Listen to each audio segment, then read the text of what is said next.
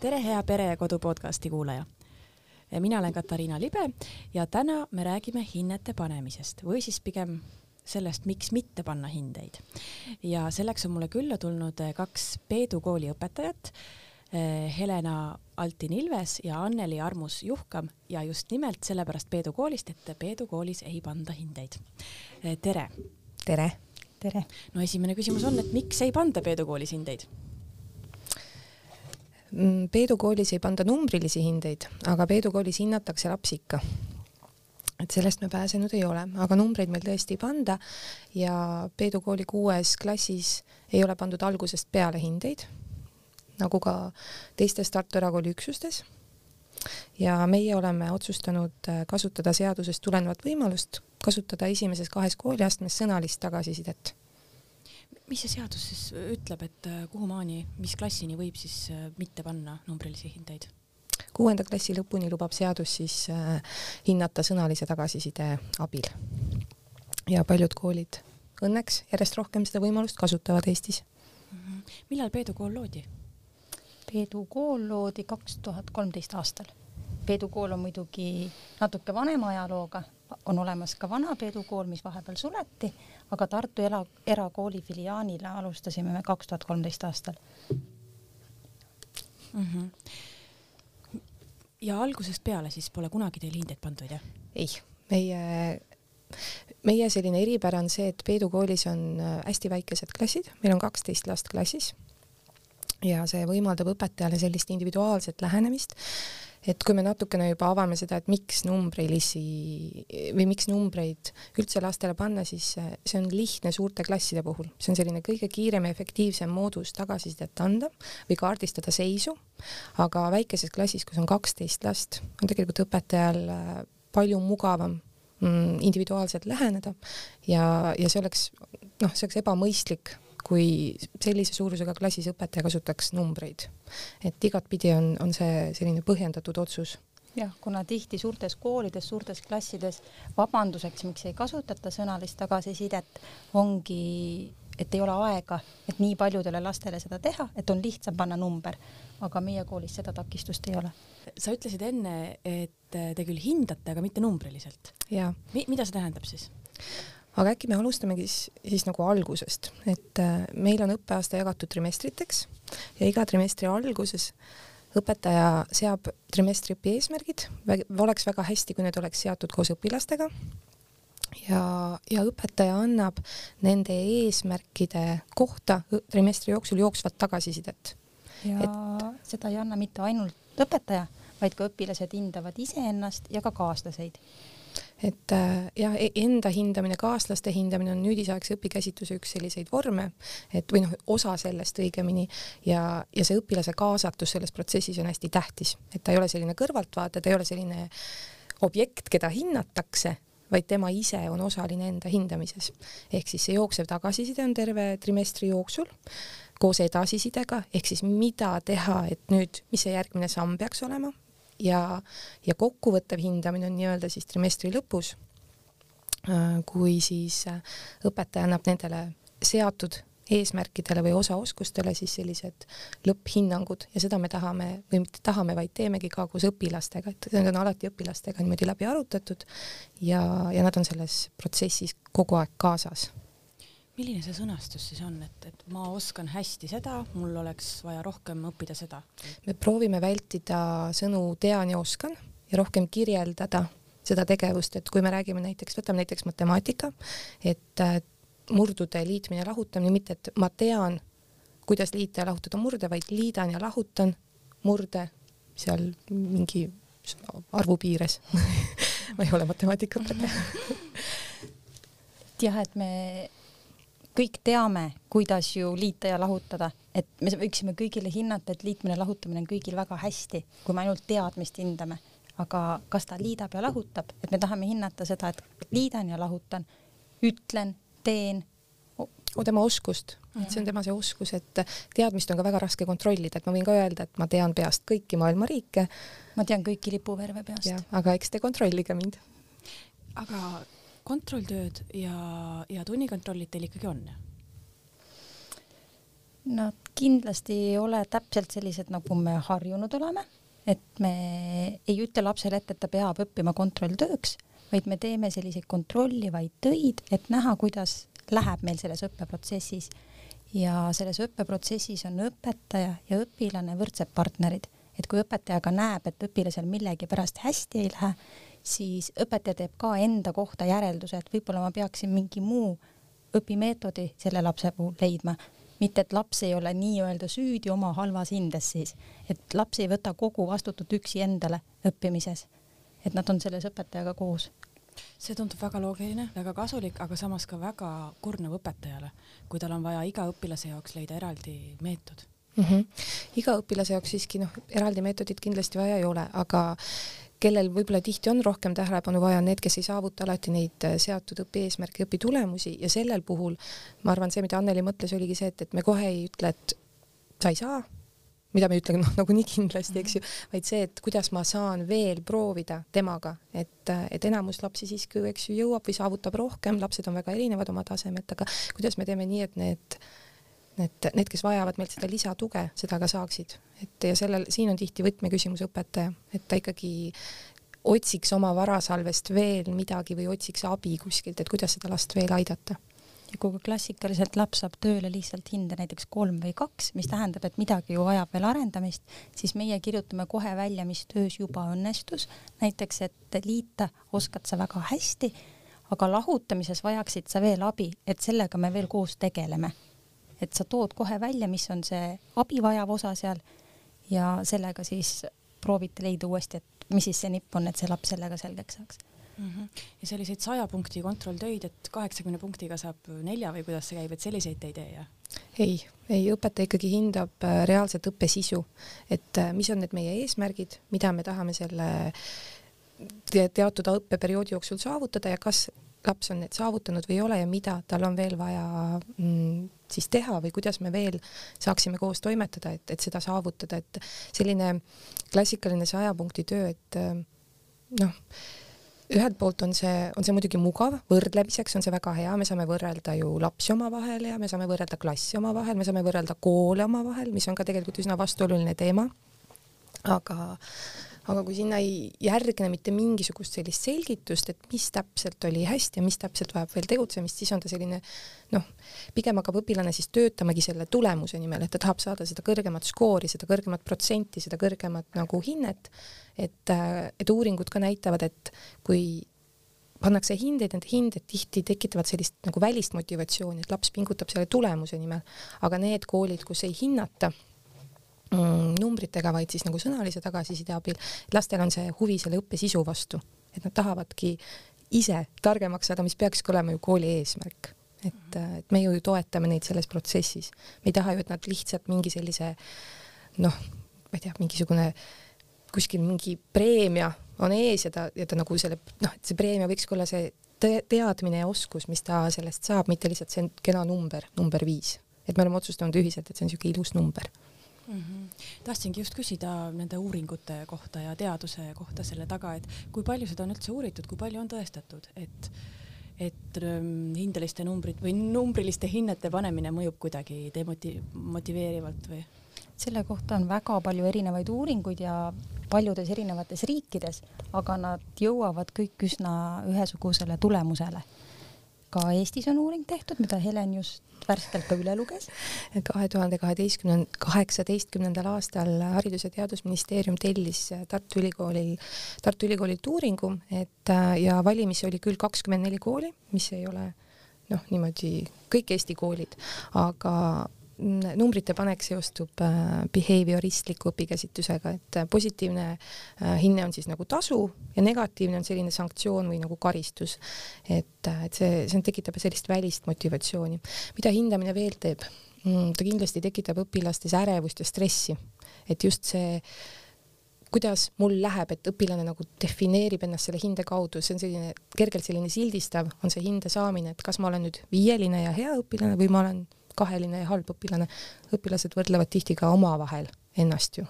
ja see on ka hästi sügavalt ühiskonna tasandil meil sees, et hea laps ja halb laps ja siis see viis ja kahed-kolmed.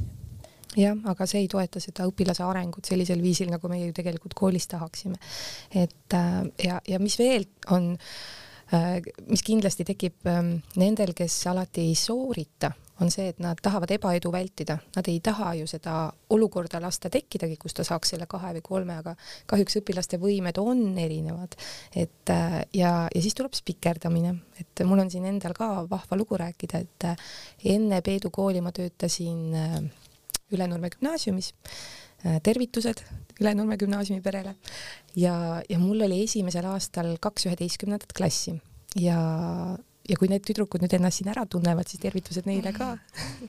Et äh, hästi toredad, armsad tüdrukud ja, ja inglise keeles äh, noh, meil, meil oli raske, et äh, ja, ja mis ma lõpuks, ma tegin neile küll lihtsamaid töid või noh, neid, nende tasemele vastavaid töid, aga aga ühel hetkel hakkasid nad, nad, nad neid töid mulle selliselt sajaprotsendiliselt sooritama. Mina mõtlesin, et ei ole nagu võimalik, et mis nüüd juhtus. Ja siis ma sain aru, et nad spikerdavad, nad olid teiselt paralleelilt siis neid kuidagi saanud neid töid ja, ja nad spikerdasid. Aga ma sain selle, see oli nagu selline vau-hetk mulle, ma sain aru, et mina põhjustasin selle, mina panin nad tegelikult sellesse olukorda, et nad tundsid seda survet üldse spikerdada, nad ei teinud seda pahatahtlikkusest või, või, või kuidagi, et nad on nüüd äh, laisad, et minu amps neile, mis ma neile andsin, oli liiga suur, nad ei suutnud seda ära hammustada ja nad leidsid võimaluse ebaedu vältida, mis on ju tegelikult väga kaval. Et ähm, ja spikerdamine, miks seda veel tehakse koolis, on ju see, et äh, mõnikord õpilane lihtsalt ei huvitugi kõigest, mis on täiesti normaalne ja ta tahab kulutada aega pigem enda jaoks meeldivale tegevusele, aga mitte kulutada seda noh, ma ei tea, kui teda näiteks ajalugu ei kõneta, ta ei, ta ei taha raisata nii-öelda tema jaoks aega selle õppimisele ja siis ta leiab mooduse, et aega säästa enda jaoks meeldivale tegevusele, näiteks robootika Inglise keel. Inglise keel see on küll väga huvitav suhtumine, kui ma mõtlen tagasi oma kooliaega, siis ma ei kujuta küll ette, et ükski õpetaja oleks ennast süüdistanud selles, kui lapsed spikerdavad. ma ei süüdistanud ennast, ma pigem nägin enda rolli selles, et mm -hmm. Äh, et nad olid, nad natuke avasid mu silmi jah, et äh, õpetaja on partner, meil tihti Eestis on selline kuidagi, et õpetaja on nagu kõrgem, lapsed on madalamad, õpetaja on targem, õpetaja teab, õpetaja ongi professionaal ja spetsialist, selles pole nagu mingit kahtlust. aga me tihti nad nagu kuidagi mm, nagu, ma ei taha öelda, et alavääristame, aga kuidagi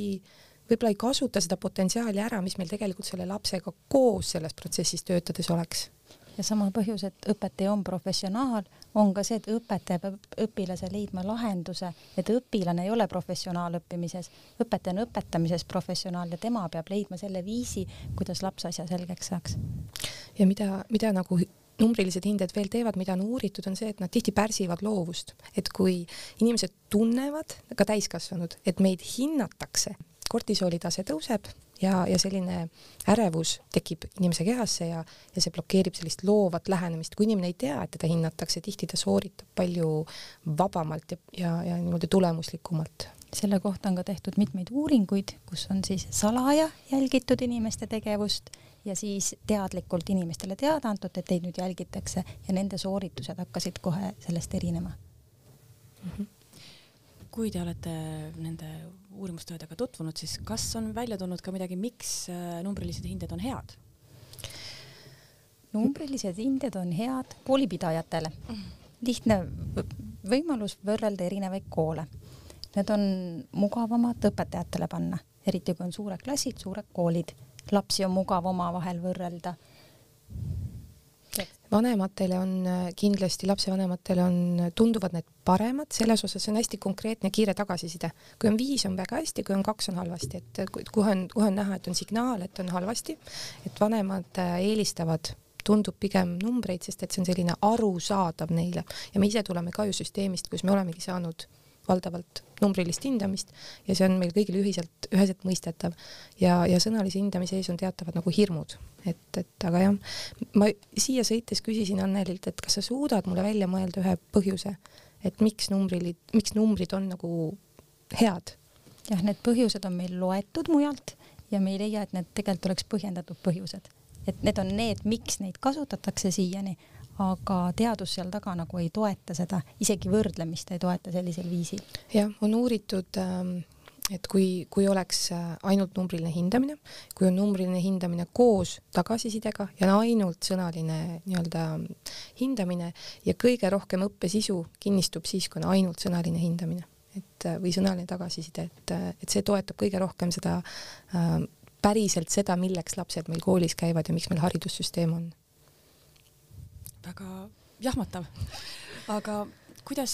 teie kooli lapsevanemad sellega kaasa on tulnud, kas nad küsivad, et tahaks ikkagi teada, et kus maal laps selle riikliku õppekava omandamisega on ja?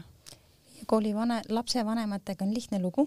Äh, nad teavad, kuhu nad oma lapsed panevad. eelnevalt, kui me nad vastu võtame, lapsed, on meil perevestlused ja perevestluste käigus me põhjalikult tutvustame meie hindamissüsteemi ja hiljem mina ei ole kuulnud, et oleks sellega probleeme olnud mina ka mitte. Ja tegelikult äh, mis tihti nii-öelda numbrilise hindamise puhul on see, et äh, käib ju selline hinnete tagaajamine, protsessimine, vanemad kirjutavad kooli, on pahased, miks mu lapsel on see hinne, miks mu lapsel on too hinne ma võin täiesti siiralt öelda, et meil ei ole Peedu koolis sellist asja, ma kahtlustan, et teistes koolides on ka väga vähe, kus on nii-öelda sõnaline tagasiside, et äh, nad ei tunne ärevust mingi numbri tagaajamise osas, pigem just nad saavad paremini aru, kus nende lapsed õppekava mõistes on, sest et need osaoskused ja, ja need teadmised, kuhu poole me lapsi suuname, need on ju otse õppekavast võetud. et need on õppekavapõhised ja lapse või lapsevanemal on pigem nagu kuidagi ülevaatlikum arusaam sellest, kus ta laps on, mitte lihtsalt see number, mis ei ütle talle ilmselt iseenesest suurt midagi. toon näiteks näite, et kui laps tuleb koju tunnistusega ja tunnistuse peal on matemaatika neli, siis me teame ainult, et matemaatika on neli, muud see tunnistus meile ei anna. aga meie tunnistuse peal ei ole matemaatika taga hinnet, vaid on välja loetletud osaoskused, mida ta sellel trimestril õppis, näiteks kümne piires arvutamine ja seal taga on, kas läks väga hästi või hästi,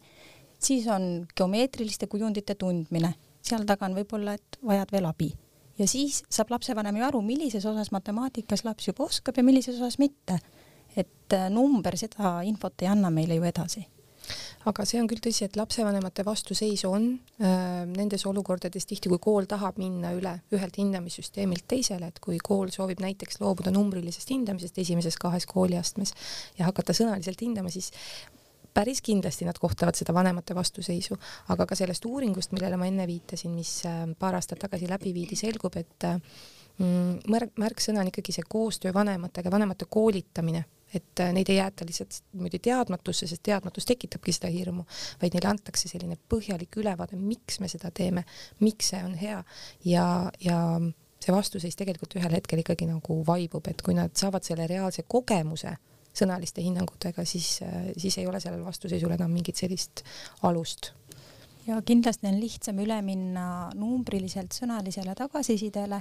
kui seda tehakse esimeses klassis. lapsed, kes on juba saanud numbreid, nendel on raskem minna sõnalise peale, et nendel pidi isegi hetkeks tekkima aastaks-pooleks äh, tagasilangus õppimises, sellepärast et nemad on harjunud sooritama hinde peale ja nad ei leia kohe seda motivatsiooni, et õppida iseenda jaoks Mm -hmm. aga vastupidi, kui lapsed lõpetavad Peedu kooli, lähevad seitsmendasse klassi mujale, siis seal pannakse neile esimest korda hinne, siis kas see võib olla šokk? me ei ole neid uurinud teaduslikult me neid uurinud ei ole, meil on selline kvalitatiivne ehm, nii-öelda arusaam, mis, mis nendega juhtub. meie ise ei näe, et neil peaks olema šokk, sellepärast et samamoodi kui laps läheb äh, esimesse klassi, ütleme näiteks, et ta hakkaks saama hindeid, ehm, siis äh, tal ju ei ole šokk, see ongi see süsteem ju millega ta nii-öelda ära harjub. nüüd, kui laps läheb kuue või seitsmendasse klassi, et ta on veel suurem kui see esimese klassi laps, noh, meie ei, nagu ei arva, et tal peaks tekkima šokk, et eks ta lihtsalt kohaneb selle uue süsteemiga, et see on talle küll uus, aga mis meil on hästi, on see, et äh, paljud lapsed Peedult lähevad Tartusse Prooderasse ja Proodera on siis Tartu Erakooli seitsmes kuni üheksas äh, nii-öelda mm, klassid kolmas kooliaste ja nemad on ju, me oleme üks üksus, et nemad saavad väga edukalt nendega toimetatud, et äh, seda arvesse võttes, kuidas on üks kuni kuus meil olnud. Äh, aga isiklikus kogemuses ka minu laps on Peedul kuuenda klassi lõpetanud, üks lastest ja kui tema läks teise kooli, tulid meie kodus sellised vestlused nagu, mis hinde sa selle said ja me ei olnud varem üldse hinnetest rääkinud. me alati rääkisime tema teadmistest, ta alati edastas midagi uut, mis ta teada sai, kõik oli põnev, aga nüüd tulid meie vestlustesse juba need äh, hindele sooritamised. et see oli selline uus asi, mis tekkis meile kohe koju. aga kuidas, kas see muutis teie omavahelises suhtluses midagi, kas, kas laps läks kuidagi ärevamaks või? ja tekkisid õppimises pinged, et ja seda oli kohe näha, et äh, noh, õpi, õppeprotsessis oli midagi muutunud, et äh, tekkis nende hinnete tagaajamine, hinde peale pingutamine, et see just, et see hinne kätte saada, mitte tingimata, et see teadmine kätte saada mm. -hmm. kuidas te oskate lastele tagasisidet anda, kas teid on selleks koolitatud? Või saite te selle pagasi juba ülikoolist kaasa, kui te õpetajaks õppisite? Või on teil koolis spetsiaalselt sellised koolitused läbi viidud? see on hästi hea küsimus, sest tegelikult tihti, miks õpetajad Eestis ka tunnevad ärevust äh, sõnalise tagasiside Mm, või sõnaliste hinnangute andmise osas on, on just see teadmiste vähesus ja hirm väga suure töömahu äh, ees ja, ja mis on tegelikult õigustatud, sest et äh, see tõesti suurendab oluliselt seda ajakulu. et siin me võiksime rääkida sellest, et meie koolid või, või meie klassid on Eestis ilmselgelt liiga suured, aga, aga noh, see on teine teema. et ähm, õpetajate koolitamine on selline tõsine mm, väljakutse ja see on see, millega koolijuhid silmitsi seisavad, et äh, need nendes koolides, kus on otsustatud mm, sõnalisi hinnanguid kasutada. meil Peedu koolis, noh, ütleme niimoodi, et ähm, osadel õpetajatel tuleb see üsna loomulikult, et nad ei, nad, nad kuidagi mõistavad seda protsessi ja seda last väga, tajuvad seda väga hästi ja, ja, ja nad noh, kuidagi see tuleb neile kuidagi väga selliselt mõnusalt ja sise, nagu nende seest tuleb see, et aga loomulikult me mentordame oma uusi õpetajaid, me selgitame neile oma põhimõtteid, jälgime, kuidas neil läheb. oleme ühiselt lugenud vastavasisulisi raamatuid ja arutlenud äh,, vaadanud Tartu Ülikooli äh, loenguid sellel teemal, taas ühiselt arutanud äh, ja iga sõnaline tagasiside ei ole edasiviiv, et õpetajad peavad olema väga teadlikud, kuidas seda tagasisidet anda ja seetõttu on ka see küsimus väga hea, et kuidas meie õpetajad seda oskavad, et tõesti, et selleks on vaja oskuseid, et ei piisa sellest, kui sa last lihtsalt kiidad, tubli laps, tegid hästi, sa oled matemaatikas väga andekas, et need see on, see on väga kahjustav, ma ütlen vahele lihtsalt, et see on, see on väga kahjustav, kui me kinnistame lapses äh, mm, kiitusega seda, et ta on midagi, et ta on tubli, ta on tark, ta on andekas, et seda on väga raske muuta, see on selline jäävususkumus, aga mida me peaksime kiitma, on äh, mida me peaksime kiitma, tema pingutust, see, seda teekonda, kuidas ta jõudis uue oskuseni, andma talle juurde veel seda, et mis sa nüüd veel tegema peaksid, mitte kinnitama talle, sa juba oled see. et see ei vii edasi, kui ma ütlen, et sa oled tubli kogu aeg, et aga mis veel, kuidas edasi et see peaks olema see, mis õpetajalt tuleb. tegelikult jah, see kiitmine, et sa oled tubli, see tegelikult langetab motivatsiooni õpilasel, et see on ka teaduslikult uuritud ja ja, ja see ei, see pigem mõjub jah, kahju, kahjulikult kui kasulikult, aga kui õpilane saab konkreetselt aimu sellest, mida ta praegu tegi, mis on tegelikult ju nii noh, loogiline, siis, siis tal on lihtsam seda teinekord ka korrata ja, ja hoida silme ees ka seda tulemust, alati peab see tulemus ka silme ees olema, aga mida ma tegin, et selle tulemuseni jõuda. kiita ei ole mõtet ka lihtsalt kiitmise pärast, et kui laps tegelikult ei soorita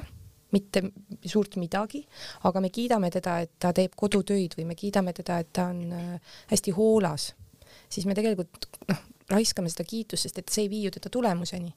et tegelikult me peame, peame ikkagi mõtlema, kuidas ma selle osa oskuse toon tema tasemele, et või sinna lähima arengutsooni, et ta saaks ka oma sellele ähm, ampsule nii-öelda siis sellise hea tulemuse, et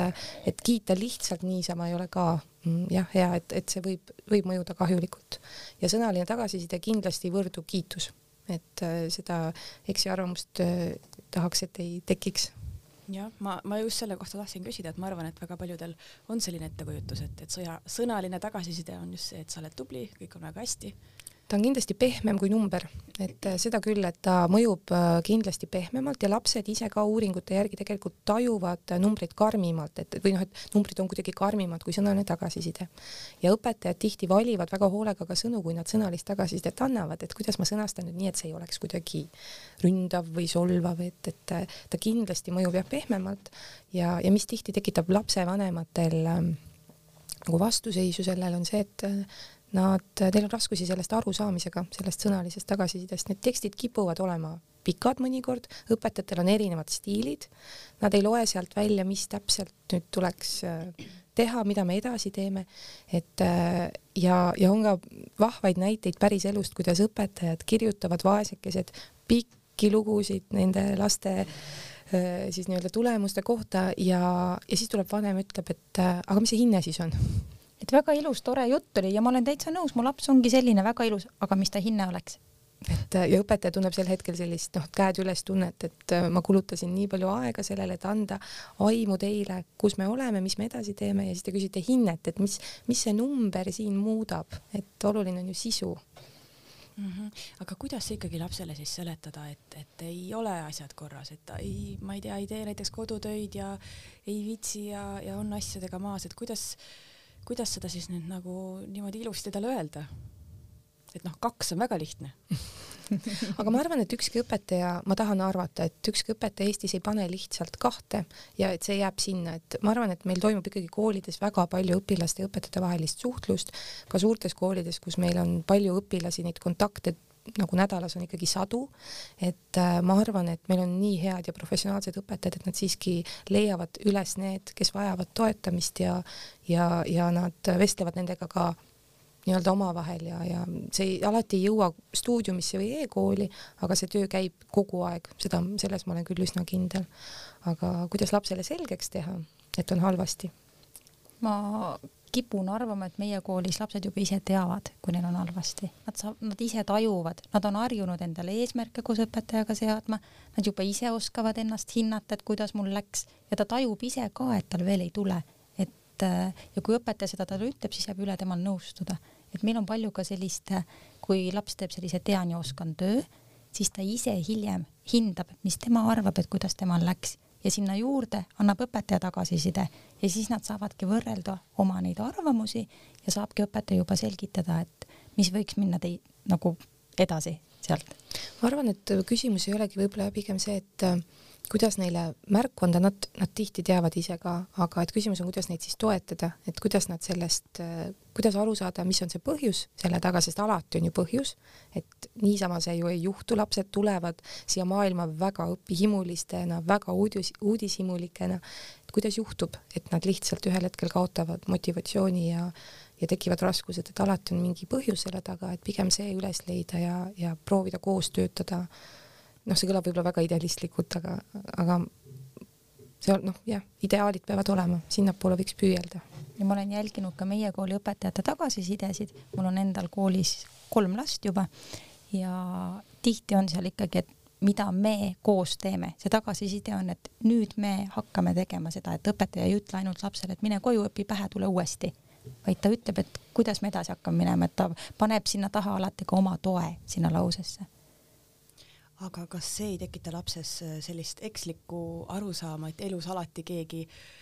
elus on alati keegi kõrval, kes juhendab, kes temaga koos midagi teeb. siin tulebki mängu see õpilase enda kaasatus, et äh, mis meie haridussüsteemi eesmärk on, me ju kasvatame ennast juhtivaid õppijaid elukestvaks õppeks, et me ju, õppimine ei lõpe ju siis, kui lõpeb kool, et õppimine kestab kogu elu. et äh, me tahame ka kasvatada ennastjuhtivaid õppijaid ja siin ongi hästi oluline kaasata neid sellesse hindamisprotsessi, et nad hakkaksid ise ennast analüüsima, iseennast hindama ja seda ei saa teha nii, kui ta on nii-öelda see objekt, keda hinnatakse, seda saabki ainult siis, kui ta on kaasatud esimesest sammust peale eesmärgistamisest alates, kusjuures need eesmärgid tihti on nad õpetaja seatud, aga kui nad on õpilasele väärtuslikud, kui nad on kuidagi nagu tema omad, kui ta võtab need enda südameasjaks, siis ta töötab nende nimel palju tõhusamalt, kui need on lihtsalt õpetaja poolt antud lausepangad, et need, need ja need ja need asjad me peame ära õppima või neid me peame oskama. et, et jah, et, et kas tal kas ta kasvabki üles arvates, et keegi on kogu aeg tal kõrval, kindlasti tal on ju kooli ajal vaja, eriti algklassides, eri, eriti alguses on tal ju seda tuge vaja, aga jälle ideaal oleks ju see, et see protsess suunab teda hiljem ka, kui tal ei ole kedagi kõrval, ise mm, ennast analüüsima, iseennast hindama, iseendale eesmärke seadma, et tegelikult see on ju see, mida me täiskasvanutelt ootame. miks me seda siis koolis ei praktiseeri? See kõik kõlab natuke sedamoodi, et äh, lapsevanematel on teie koolis väga lihtne, sest mulle tundub, et suuresti on see lapsevanema töö, et me vaatame koos kolm-neli, kaks või viis, et mida see tähendab, mida sa oskad, mida sa ei oska. et tundub, et natuke õpetajad teevad lapsevanema tööd ära algklassides või? Äh, me oleme ka arvamusel, et õppimine peaks toimuma koolis ja kodus peaks toimuma perega aja veetmine, äh, trennides käimine, raamatute lugemine ühiste lauamängude mängimine, söömine ühise laua taga, et kui me anname väga palju koju selle vastutuse, siis me võtame selle aja peredelt ära. ja last arendab palju rohkem see, mida ma just eelnevalt ju nimetasin kõik, kui see, et koos emme ei oska lahendada mateülesannet, issi ei oska lahendada mateülesannet. issid ikka oskavad. mina tean isegi sellist juhust, kus ema töökaaslased ehk siis mina olin see töökaaslane seal kõik koos üritasid lahendada. ja see ja ju vene keelega on väga klassikaline, et nii, kes meil oskab suguvõsas vene keelt, nüüd me helistame talle õhtul ja, ja las ta aitab meid. et äh, meie oleme selle kodutöö osa jätnud tõesti väga väikeseks, kuna lapsi on klassis vähe, õpetaja jõuab kõigiga tegeleda ja õpetajal on ju oskused lapsevanem ei ole õppinud, kuidas keelekümblusmetoodikal õpetada inglise keelt, pigem ta suudab midagi vussi ajada selles. see, et me oleme õhtul kõik väsinud, kõik nutavad, mis õpimotivatsioon sellest üldse siis jääda saab lapsesse? on ka uuritud, et mis seisundis peab inimene olema, et ta õpiks ja, ja see seisund peab olema rõõmus, mänguline ja mul peab olema hea, mul peab olema heaolutunne, aga kui me mõtleme, kuidas meie lapsed tihti ennast koolis tunnevad, ähm, siis need on pigem vastupidised tunded, on ärevus, stress, hirm, ähm, ei taha, et läheks halvasti, mis on kõik hästi loomulik. et kuidas ja, ja kui ko kodus ähm, ütleme, et on vanemaid, kes siiamaani karistavad lapsi halbade hinnete eest, et äh, see on tegelikult väga kahjustav lapsele, et äh, me, me tõesti loodame oma kooli vanemate puhul, et nad no mitte me ei looda, me teamegi, et nad, nad mõistavad meie neid väärtusi ja põhimõtteid ja tihti on need ka ju üheks põhjuseks, miks nad oma lapse meie kooli panevad. kui te mõtlete tagasi oma kooliajale, kas teil tuleb meelde mingisuguseid äh, juhtumisi seoses äh, hinnete panemisega, mis tekitaski teis tunde, et, et ikkagi see numbriline hindamine võib-olla ei ole see kõige, kõige õigem ja kõige motiveerivam? Me olime mõlemad kooli ajal, me ei käinud küll koos koolis aga me just, me arutasime seda, et me olime mõlemad sellised tublid tüdrukud, hästi kohusetundlikud ja, ja kui ma nagu praegu tagasi mõtlen, ma ei analüüsinud väga, miks ma midagi teen, ma ühel hetkel ilmselt, mul läks väga hästi, ma sain häid hindeid, mult oodati seda nii koolis kui kodus esindasin tihti kooli, olin selline klassikaline see olümpiaadi tüdruk aga, aga mis minust kaheteistkümnenda klassi lõpuks oli saanud, oligi see, et ma ei teadnud tegelikult enda kohta suurt midagi. ma ei teadnud, mis mu tugevused on, mis vajaks milleski, ma olin nagu töötanud kogu aeg selle ilusa tunnistuse nimel. et äh, kui ma praegu sellele tagasi mõtlen, siis äh, jah, ma, mina arvan küll, et äh,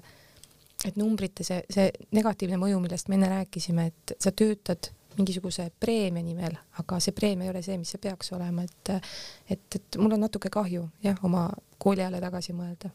ja mina meenutasin, et äh, ma olin ka tubli viieline, läksin esimesse klassi, vanaema, vanaisa olid kõik asjad juba selgeks teinud mulle, ma olin kodune laps olnud ja õpetaja andis mulle esimeses klassis juba teise klassi ülesandeid ja, ja nii ta läks muudkui, kuni mingi hetk ma tabasin ära äh,, kuidas süsteemi saab petta et ma sain aru, et ma olin muidu väga õpihimuline olnud, ma tahtsin kõike iseenesest õppida, ma juba enne kooli huvitusin vene keelest, saksa keelest, kõik oli põnev minu jaoks. aga aineid läks ju järjest rohkemaks ja lõpuks ma sain aru, kuidas mingites ainetes lihtsalt hinne kätte saada, mitte neid teadmiseid ja mul jäi aega üle selleks samaks, nagu uuringki ütles, et mul jäi aega üle muude asjadega tegelemiseks, mis minul olid tol hetkel olulisemad et ma ei olnud nii kohusetundlik kui Helen, et ma natukene hakkasin siis seda süsteemi petma, mis juhtub ka paljude õpilastega tegelikkuses. jah, et, et mäletan ka nii-öelda selles suures koolis töötamise ajast, et hästi palju andekaid lapsi gümnaasiumiastmes, hästi targad, toredad lapsed ja neil oli null huvi teatud ainete vastu, nad lihtsalt tegid selle miinimumi ära, et see positiivne tulemus kätte saada. ja, ja mis nende tulemustega veel võib-olla on, et äh, tihti koolides hakkab selline läbivedamine, et äh, me tahame neid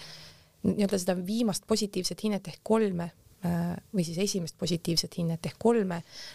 lapsele ära saada, et saaks ta nüüd, saaks selle ainega korda et see on tihti ärevus õpetajale ka, et ja, ja vaadatakse ka ju õpetajaid, et mina mäletan küll selliseid lauseid, kuule, sul on seal kaheksandas klassis kaks-kolm, et või, või kaks-kahte, et et mis värk sellega nüüd on, et tegelikult on see ju justkui õpetaja tunneb ka ärevust saada see hinne, see positiivne number nii-öelda ära kirjutatud. et see ei, see ei toeta jah seda lõppeesmärki, aga oleks olnud põnev käia koolis, kus oleks olnud teistmoodi hindamissüsteem. Mm -hmm.. võib-olla oleks kulunud vähem aega pärast kooli sellele mõtlemisele, et mida ma tegelikult teha tahan. jah, et tegelikult noored otsivad ju väga palju. Ja mis on tegelikult väga hea, et nad otsivad, sest et siis on ka suur tõenäosus, et sa leiad, et äh, aga ma just mäletan seda hetke gümnaasiumi lõpus, et kõik hakkasid mõtlema, kuhu nad nüüd lähevad, mida nad edasi teevad. Ja mina, kes, et justkui oleks terve maailm võiks valla olla, sest et tulemused on kõik nii head, äh, lõpetasin medaliga gümnaasiumi, et kõik on justkui nii super, olen täiesti abitu ja mõtlen, mis minust nüüd saab et, et kuidas see siis on, et nagu vastuolu natuke, et tulemuste ja selle minu isikliku arengu vahel. ja me olemegi proovinud oma koolis ka siis sellest kogemusest õppida ja õpilasi. minu kogemusest. Heleni kogemusest õppida, no seda kogemust on palju Eestis tegelikult ja, ja juba suunata nad ise valikuid tegema, iseenda õppimist juhtima, et nad oleksid iseendast teadlikumalt. et kui nad on saanud mingis aines tänu sellele hoopis viitasid, et näiteks nad käisid alati esinemas ja see, et mis nad seal aines tegelikult tegid, näiteks vene keeles olen ma kuulnud, et kui sa alati olid nõus panema selle kleidi selga ja laval ära esinema, said sa oma hea hinde kätte ja kui ma vaatan oma tunnistust ja mu vene keel on tänu sellele viis, see ei tähenda ju, et ma saaksin vene filoloogiks minna, et nad, hinne ja oskus, need olid nagu lahus üksteisest tegelikult. mitte alati, aga, aga juhtus, et olid. jah ja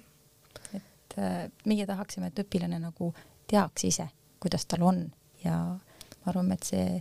sõnaline tagasiside toetab seda rohkem. ja tegelikult on see ka see suund, mis meil riiklikult on, et äh, meie haridus- ja teadusminister Liina Kersna ütleb ka, et lastel võiks olla personaliseeritud õpirada, igal lapsele oma rada, pluss see valikute andmine, tihti meil on ju Eesti koolides niimoodi, et äh, jõuad gümnaasiumisse, tulevad valikained, nüüd on juba õnneks ka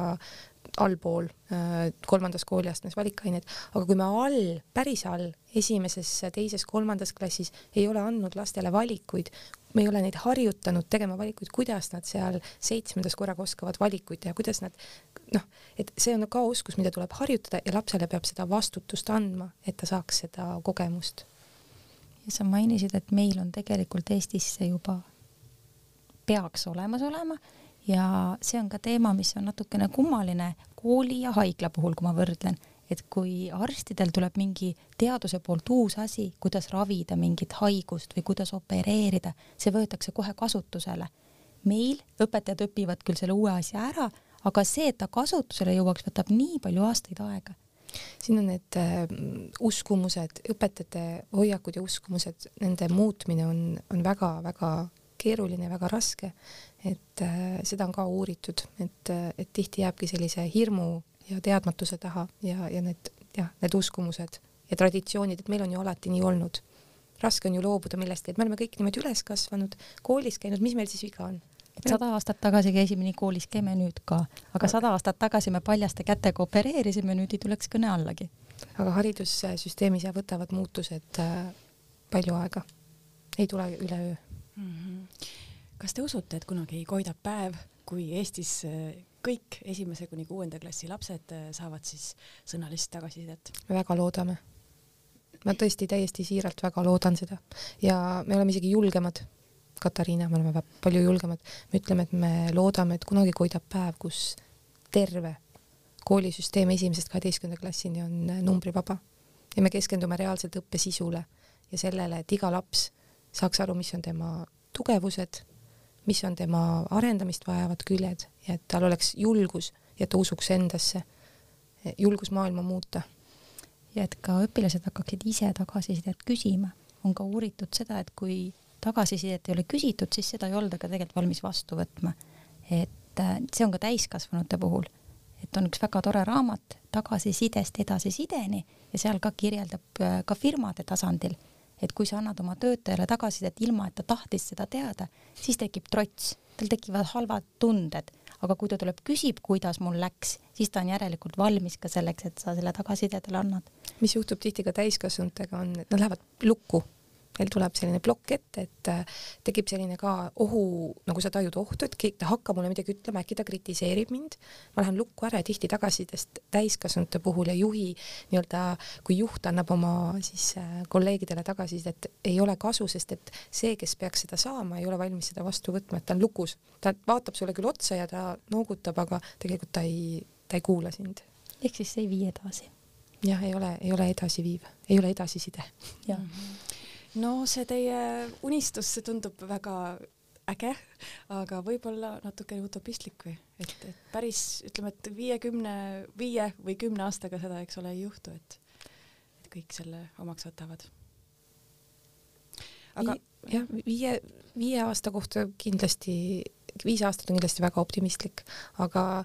ma tahaks nagu rõhutada siin, et me ei toetu lihtsalt kõhutundele või oma arvamusele, et, et see ka, mis me oleme täna jaganud, et see on, seda on kõike uuritud ja mida, mis meil on tagataskus, on see meie kogemus mm, Peedu koolis, mis, mis meile näitab, et me liigume õiges suunas, et meie ei, alati saab paremini, meie ka saame paremini ja me töötame selle nimel, et me ei ole selles mõttes üleolevad, et meil on kõik väga hästi, aga me näeme, et see üleüldine suund on õige suund, et ja me näeme ka oma õpilastes seda allesolevat õpirõõmu. Nad tulevad kooli heal meelel, nad tihti lahkuvad vastumeelselt, et ma pean aeg-ajalt ütlema, et meil lähevad nüüd uksed lukku, et äkki lähme koju ära. et neile meeldib koolis käia ja seda on ju puhas rõõm näha aga kui meid kuulab näiteks mõni õpetaja nüüd, eh, ma usun, et teie soovitus on, eks ole, et, et lisaks numbrilisele hindamisele võiks siis anda ka individuaalset sellist sõnalist tagasisidet, et mis teie soovitused on, kuidas, kuidas seda hakata tegema? tegelikult on niimoodi, et koolis peaks see süsteem olema kõigile ühesugune, et äh, õpilastele on segadusse ajav, kui üks õpetaja toimib nii-öelda süsteemist erinevalt. et, et kui kui, kui üks õpetaja hakkab viljelema korraga mingisugust teistsugust süsteemi, mida ta ilmselt noh, sõnalist tagasisidet nad saavad loomulikult numbrile juurde kirjutada, aga selline üleüldine meelsus seal koolis mm, võiks olla ühesugune, muidu on raske, on, on see siis nagu kas numbriline hindamine, on see siis kombineeritud äh, nii numbriline kui sõnaline või siis ainult sõnaline, et see, see peaks olema ühesugune. ja samamoodi ka need hindamispõhimõtted siis, et kui ta on ka numbriline hindamine, tegelikult on kõige kasulikum, kui õpetajad teevad seda ühtemoodi, et teevad ühiselt, et neil on ühised kokkulepped, mida mingi hinne siis tähendab ühe kooli raames. aga me kindlasti julgustame õpetajaid uurima neid, kes, kes hetkel veel numbriliselt hindavad ja võib-olla lohutuseks ütleme seda, et uuringud näitavad, et äh, alguses on, on raske, nagu iga, iga algus on raske, aga see läheb ajaga lihtsamaks. see ajakulu, mis neil sellele kulub äh,, sõnalisele tagasisidele ähm,, see läheb väiksemaks mm,, tekib kogemus tekib selline juba taju, kuidas, mida. me Anneliga fantaseerisime jälle, et, et kuidas, mis abivahendid õpetajad aitaks. mõtlesime, et kas poleks lahe, kui igal õpetajal oleks selline võimalus suuliselt nii-öelda see tagasiside sisse lugeda, õpilane ja siis see need masinad on, eks ju, olemas, mis teevad siis sinu selle suulise jutu tekstiks, mhm. et või siis õpilane saabki seda tänapäeval digiajastul. no absoluutselt, et ja õpilane saaks kas seda siis lugeda või siis ka audiona kuulata, et see kindlasti vähendaks, see trükkimine, kirjutamine võtabki tegelikult väga palju aega. Ja sõnastuse otsimine läheb ajaga lihtsamaks. Ja see kirjavigade parandamine pärast, kui sa oled kõik ära trükkinud ja näinud, et su S-klahv ei töötanudki. see jah, see jah tean, millest sa räägid. hästi, aga lõpetame täna siis selle lootusrikka noodiga, et loodetavasti on varsti väga paljudes koolides selline, selline sõnaline tagasiside kasutusel. et äh, mina tahaks lõpetuseks kõikidele õpetajatele öelda, et te teete head tööd, et äh, jätkame samas vaimus, teeme ühiselt, õpime üksteiselt, et äh, on, on ka uuritud seda, et, et kuidas see kollegiaalne toetus mõjub, see aitab väga palju, et kui koolid käivad üksteisel külas, õpetajad varjutavad üksteist erinevates koolides ja kasvõi see toetav sõber su enda koolis, kellega koos mingit uut äh, süsteemi nii-öelda sisse hakata viima, et, äh, et üksteisele toetudes on kõik palju lihtsam. ja kasu saavad lapsed. ja siis lõpuks kogu ühiskond. just, just.. aitäh teile. aitäh. aitäh. aitäh, armas kuulaja, et sa meid ära kuulasid. järgmine saade on üleval nädala pärast